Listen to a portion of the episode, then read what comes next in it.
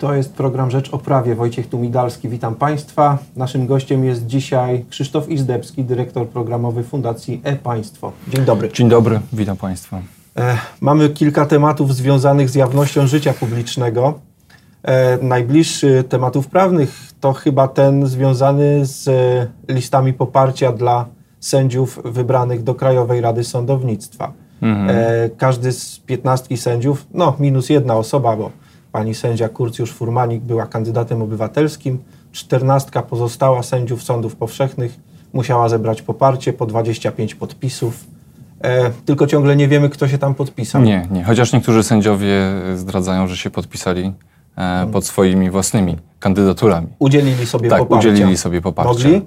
No, pff, chyba mogli takiego zakazu. Są sędziami, więc e, mogą takiego poparcia e, sobie nawzajem udzielać. To zresztą było Czy to był jednym... ten 25 podpis? To stąd jest kłopot? Być może, chociaż tam w tym przypadku chyba było też kwestia, bo to jest bardzo ciekawe w tym kontekście, kwestia tych wycofanych podpisów. Wiemy, że kilka podpisów było wycofanych. Być może też tych podpisów nie było 25, a więcej, bo co najmniej 25. No ale wtedy po co się podpisywać pod własną kandydaturę? E, no, żeby po prostu wyrazić to poparcie dla najlepszego kandydata pewnie e, w tym, w tym przypadku. Ale rzeczywiście, jak pan redaktor zwraca uwagę, no, e, to też jest taka sytuacja, w którą my już międlimy, kolokwialnie rzecz to ujmując, od wielu, wielu miesięcy, mimo tych prawomocnych wyroków sądów, mimo tego, że no, chyba nikt tak naprawdę, kto zajmuje się również tym słynnym RODO, nie twierdzi, że te informacje powinny zostać utajnione czy nie ogłoszone opinii publicznej.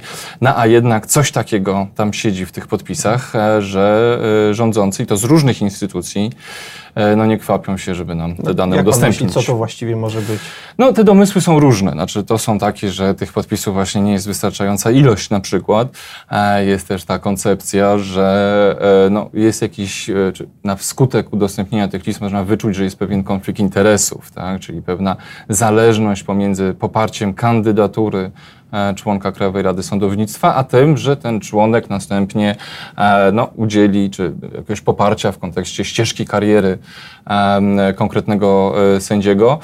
No, pozostają nam domysły, co chyba też nie służy wizerunkowi Krajowej Rady Sądownictwa, szczególnie w tym aspekcie niezależności właśnie, tak? bo być może tam nic takiego szczególnego nie ma, natomiast sprawia się wrażenie e, poprzez ukrywanie tych informacji, e, no, że coś grubego za tym e, musi, się, e, musi się kryć. E, trudno mi jest e, powiedzieć, dlaczego tego się po prostu nie ucina, a chyba najlepszym sposobem ucięcia byłoby właśnie udostępnienie. Padały też apele do sędziów, by jednak zechcieli e, w imię odwagi cywilnej mhm. potrzebnej na co dzień do wykonywania tej profesji, tego powołania. Sędzia przecież podpisuje się pod wyrokami wydawanymi w imieniu Rzeczypospolitej Dokładnie. Polskiej mhm. E, wobec bandytów, złodziei, rozsądza poważne spory o wielkie pieniądze. E, czemu właściwie, czemu właściwie możemy uznawać, że to jest jakiś problem prawny z ochroną danych? Skąd to się, mhm. skąd to się bierze? Ja tego też nie rozumiem. Znaczy być może to jest ten element ogólnej takiej kultury tajemnicy, czy kultury tajności, która e, no, przechodzi przez poprzek różnych instytucji i też trzeba powiedzieć niestety rządów, niezależnie właśnie od tego, kto e, e sprawuje określone funkcje. E, no ale staje się, że kilku tylko sędziów się do tego e, przyznało, reszta pozostała e, na, to, na te apele głucha. No i rzeczywiście szkoda, bo ja też bym oczekiwał od tego e, środowiska, ale też od tych indywidualnych osób, jakby przyznania się, może słowo przyznanie nie jest lepsze, ale po prostu podania informacji, że poparłem taką kandydaturę, no bo to jest ten element, który jest super istotny. Oni poparli to właśnie jako sędziowie, czyli osoby też, które pełnią funkcje publiczne. Dlatego dla mnie no, trochę śmieszne w pewnym sensie e, jest powoływanie się na e, przepisy ustawy o ochronie danych osobowych czy e, rozporządzenia w tym kontekście, no bo ono chroni prawo do prywatności, a nie te działania, które podejmujemy w związku z pełnieniem funkcji publicznych. I tu bez wątpienia i zresztą szereg takich orzeczeń również w tej sprawie przecież już, już było. Mamy z tym jakiś rzeczywiście problem systemowy, ale z różnych stron widziany, bo nie dalej jak wczoraj przeczytałem bardzo ciekawy tekst byłego już sędziego Jarosława Gwizdaka, który na łamach rzeczy o mhm. prawie mhm. wspomina o tym, jaki problem miał, kiedy sam został prezesem sądu rejonowego, jednego z katowickich sądów rejonowych i tam zachęcał sędziów ze swojego sądu, mhm. by zechcieli zrobić sobie zdjęcia i żeby na stronie internetowej sądu pokazać, że oto my, to my jesteśmy Żywi sędziami, ludzie żywi prostu, ludzie, no. którzy zajmują się waszymi sprawami i starają się jak najlepiej je rozstrzygać. E, Napotkał opór. Jak pisze, tam jakieś 80% y, sędziów, którzy wzięli udział w ankiecie, bo on ich zapytał po prostu, odpowiedziało, że nie. Y, Mogę mylić procenty, ale zdecydowana większość. On oczywiście w tej sytuacji e, tego zdjęcia nie zrobił. E, Ale, ale to może jest w ogóle jakiś problem z e, braniem przez sędziów odpowiedzialności za decyzje, które podejmują w imieniu kraju. Tak, znaczy nie, nie, jestem pewien też bazując na moim wieloletnim doświadczeniu w, w tym obszarze przejrzystości państwa, czy to akurat szczególnie sędziowie, natomiast rzeczywiście pamiętam już przed wielu lat, jak pojawiały się, e, te, te, czy pojawił się temat e, publikacji oświadczeń majątkowych sędziów, znaczy, że jednak ten opór ze strony środowiska już wtedy, bo te plany e, legislacyjne były e, jeszcze z zarządów PO-PSL, e, ten opór ze strony środowiska sędziowskiego był ogromny. Oczywiście on pewnie też, jeżeli patrzymy na różne perspektywy, tłumaczy się chociażby przez to, co pan redaktor wspomniał, e, czyli no, sądzenie w takich no, sprawach niebezpiecznych, bym powiedział, więc jest ta niechęć przed upublicznieniem Tak, swoich sędzia- danych, no ale z drugiej strony sędzia też na sali sądowej, które przecież te rozprawy w zdecydowanej większości są jawne, to też jest konstytucyjna I tak zasada i tak przecież. powinno być, nie pozostaje anonimowy, więc e, te informacje, które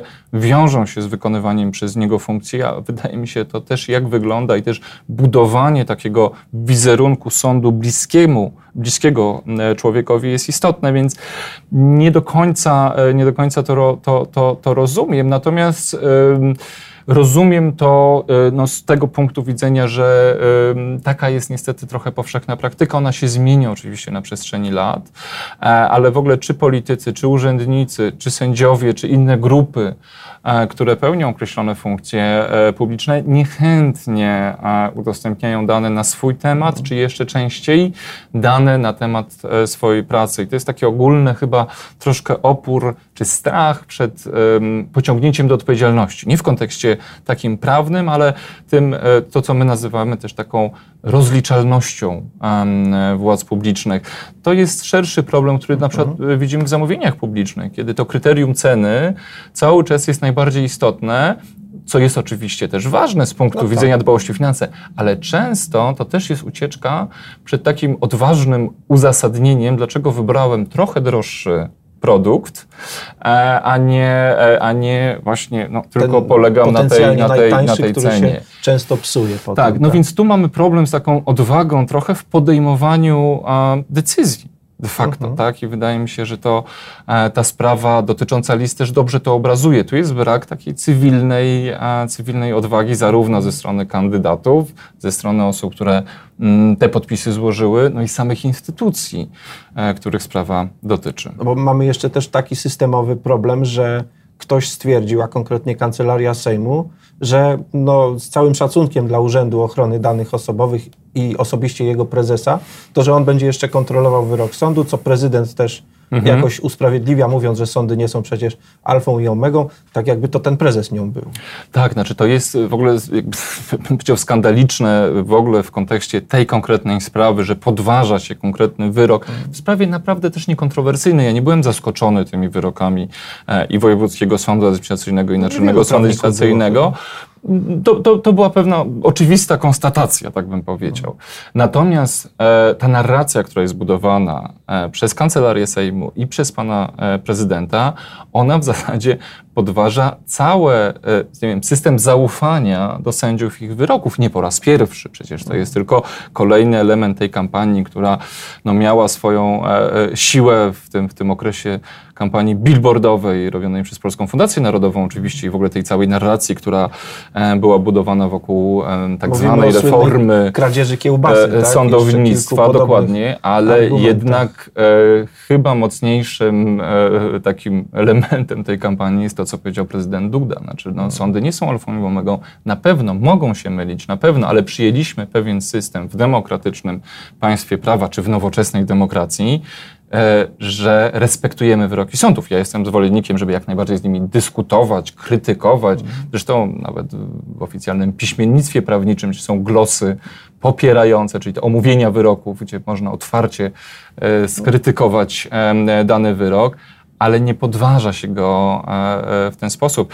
No i to jest niepokojące, no bo też już to wywołało fa falę różnych żartów w internecie, no, że teraz tak, ja też dostanę jakiś prawomocny wyrok i też będę próbował, nie wiem, do inspekcji sanitarnej się zwrócić, żeby go e, wstrzymać, e, wstrzymać i nie wykonywać. I to, to, to ja nie wiem, czy pan prezydent to widzi, czy politycy, którzy w ten sposób to komentują, widzą, ale to jest rozwalanie tego zaufania do instytucji publicznych na wiele, wiele lat. Może tak być, jak pan mówi, rzeczywiście. A spójrzmy na zagadnienie jawności jeszcze z innej perspektywy, tym razem bliższej temu obrazkowi, który widzimy mm-hmm. za, naszemu za naszymi plecami, bo ważą się losy marszałka Sejmu Marka Kuchcińskiego. Mówię, ważą się losy, bo choć z jednej strony nie, oświadczył, że nie zamierza rezygnować i dla dobra państwa jeszcze, jeszcze, trochę, jeszcze trochę po lata. Przepraszam za ten żart, może mało śmieszny. E, to no, no, mamy kłopot z dowiedzeniem się, jak to było, i okazuje się, że wiele dokumentów e, istnieje, być może jakieś jeszcze nie istnieją, mhm. ale nadal nie możemy odtworzyć tego, e, czy rzeczywiście przestrzegano instrukcji HED, jak wiele razy latano i jak wiele z tych lotów jest nieuzasadnionych. Znaczy, no to ta sprawa jest kompromitująca dla marszałka. Tu chyba jakby nawet z tego obozu y, poparcia dla, dla władzy takie sygnały też idą, bo tej sprawy po prostu nie da się obronić. Znaczy też znowuż ona zawiera kilka elementów. Te pytania przecież nie pojawiły się dotyczące lotów marszałka, one nie pojawiły się e, wczoraj czy tydzień temu. Co najmniej od kwietnia sobie przypominam. Właśnie, trwa ta sytuacja od kwietnia, więc ja bym oczekiwał, szczerze mówiąc, też w tym duchu jawności, funkcjonowania e, państwa i jego urzędników, to żeby od razu taką listę e, przygotować, czy dokumenty źródłowe, bo one są przecież dostępne. To tłumaczenie się, czy pana Grzegżółki, czy samego Marka Kuchcińskiego dotyczące tego, że oni w tamtym okresie nie posiadali tej wiedzy, to jest i nie boję się użyć tego słowa kłamstwo, ponieważ e, te dokumenty były w posiadaniu i Kancelarii Sejmu, i w kilku innych instytucji, które e, brały udział w organizacji e, tych lotów. No i wreszcie, na Boga, pan marszałek chyba wiedział, czy jego żona podróżowała, czy zabierał teraz, jak dzisiaj to On się po dokładnej wyszło. analizie tego Tak, dowiedział. czy dokładne, że on potrzebuje mieć dokładną analizę tak, tego, czy 23 razy był też, podróżował, podróżował z rodziną, czy właśnie ta żona była obok, czy jak się okazuje, żony również e, innych posłów.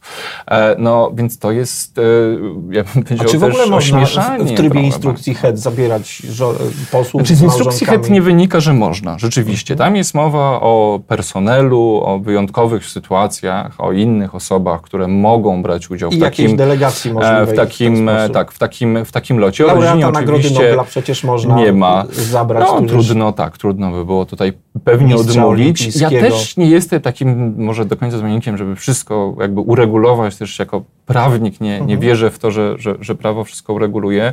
Bardziej też chodzi o standardy.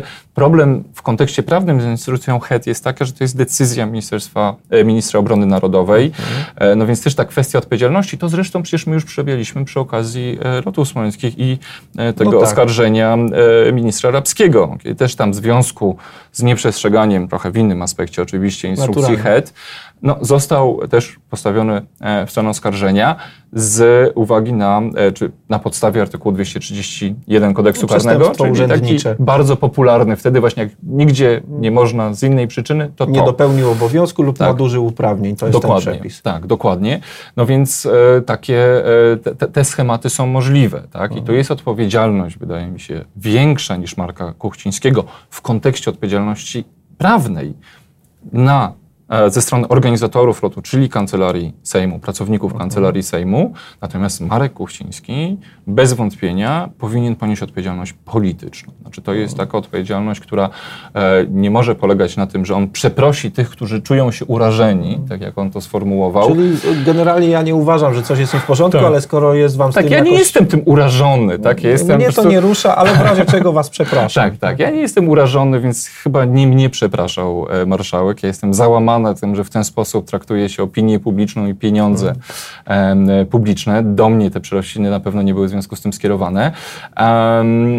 no ale ani też wpłaty na, na, na Caritas, tak? Jakieś też nieokreślonej, znaczy Może określonej kwoty, ale dlaczego?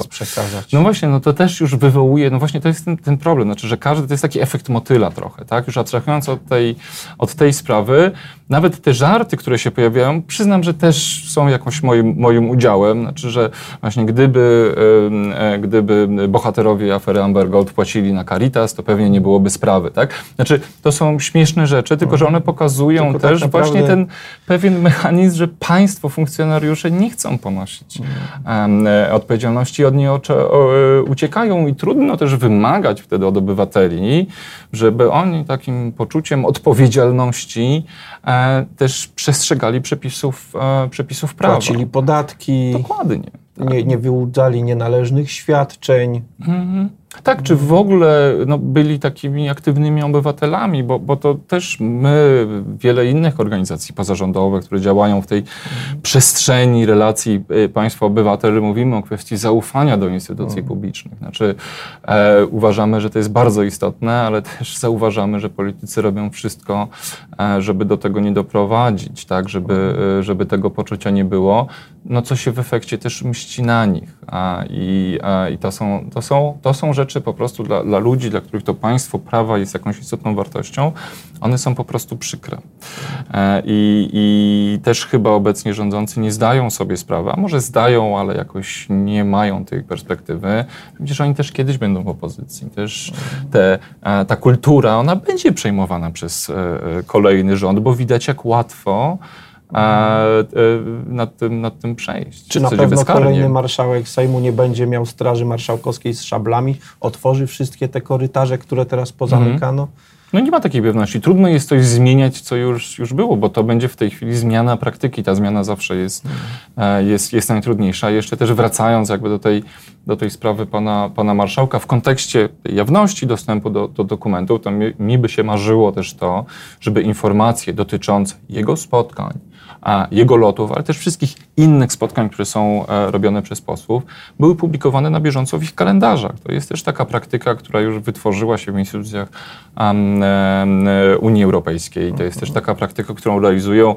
niektórzy samorządowcy, e, natomiast mamy w dalszym e, ciągu problem z tym, że no nie wiemy tak naprawdę z kim politycy się spotykają, bo też jakimś takim ciekawym aspektem tej, tej sprawy jest w ogóle po co pan marszałek tyle tam, e, tam latał. No tak? konsultować tak? ustawy, przecież wiadomo, że tam się konsultuje. No tak, no w Podkarpackim jest e, ten, ale właśnie ciekawe, że z tej listy, którą właśnie, bo też ta brak spójności w tej narracji, bo z tej listy wcale, e, która została udostępniona, wcale to nie wynika, zresztą ta konferencja prasowa, której zwieńczeniem było późniejsze opublikowanie tych list, ona zawierała wiele takich elementów, której sam marszałek sobie przeczył, no bo jeżeli wszystko było w porządku, to skąd te 15 tysięcy na Caritas, e, czy 28, tak, prawda, I po e, na co służby zbrojne i po co w ogóle przepraszać.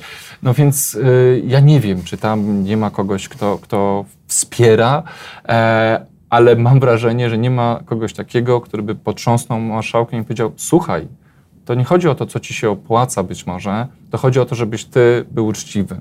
I ta uczciwość jednak załatwia e, dużo, e, dużo, dużo tych spraw. Tu postawmy kropkę. Dobra. Bardzo dziękuję za tę rozmowę. Dziękuję bardzo. Krzysztof Izdebski, dyrektor programowy Fundacji Państwo, był dzisiaj naszym gościem. To był program Rzecz o Prawie. Wojciech Tumidalski. Do zobaczenia.